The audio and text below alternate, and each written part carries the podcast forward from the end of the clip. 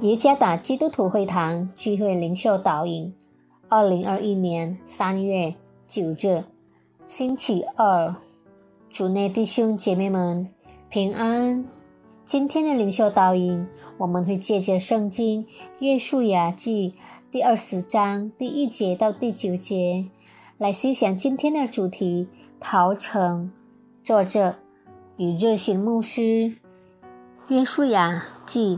第二十章第一节到第九节，耶和华小谕约书亚说：“你吩咐以色列人说，你们要照着我借摩西所小谕你们的，为自己设立逃城，使那无心而误杀人的可以逃到那里。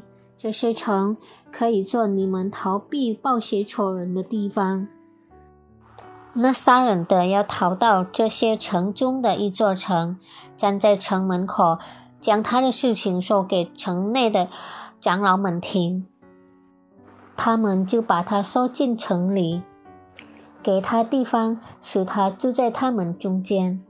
若是报血仇的追了他来，长老不可将他交在报血仇的手里。因为他是俗污仇恨、无心杀了人的，他要住在那城里，站在会众面前听审判。等到那时的大祭司死了，杀人的才可以回到本城本家，就是他所逃出来的那城。于是以色列人在那弗他里山地分定加利利的基迪斯。在以法莲山地分定事件，在犹大山地分定基列亚巴，基列亚巴就是西波伦；又在约旦河外耶里哥东，从流变支派中，在旷野的平原设立比西，从家的支派中设立激烈的拉莫，从马拿斯。支派中设立巴山的戈兰，这都是为一些住人和在他们中间寄居的外人所分定的地域，使误杀人的都可以逃到那里，不死在包谢仇人的手中。等他站在会众面前听审判，每一个人都需要生命的保障，特别是犯下错误的人。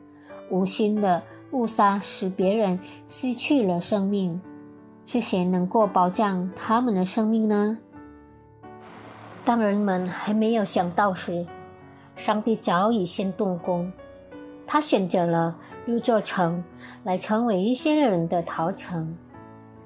若有人犯罪而被要报仇的人追赶，这些城可以成为；若有人要报些仇时，以便能保护那没有经过正式审判的人的保障。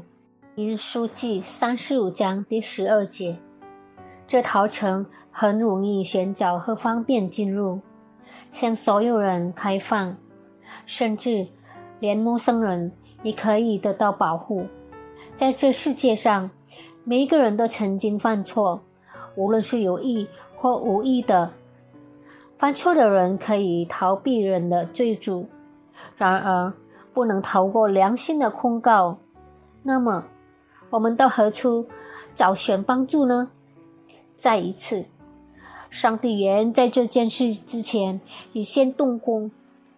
耶稣基督的死，为要成为我们生命的保障，赐下自由和帮助。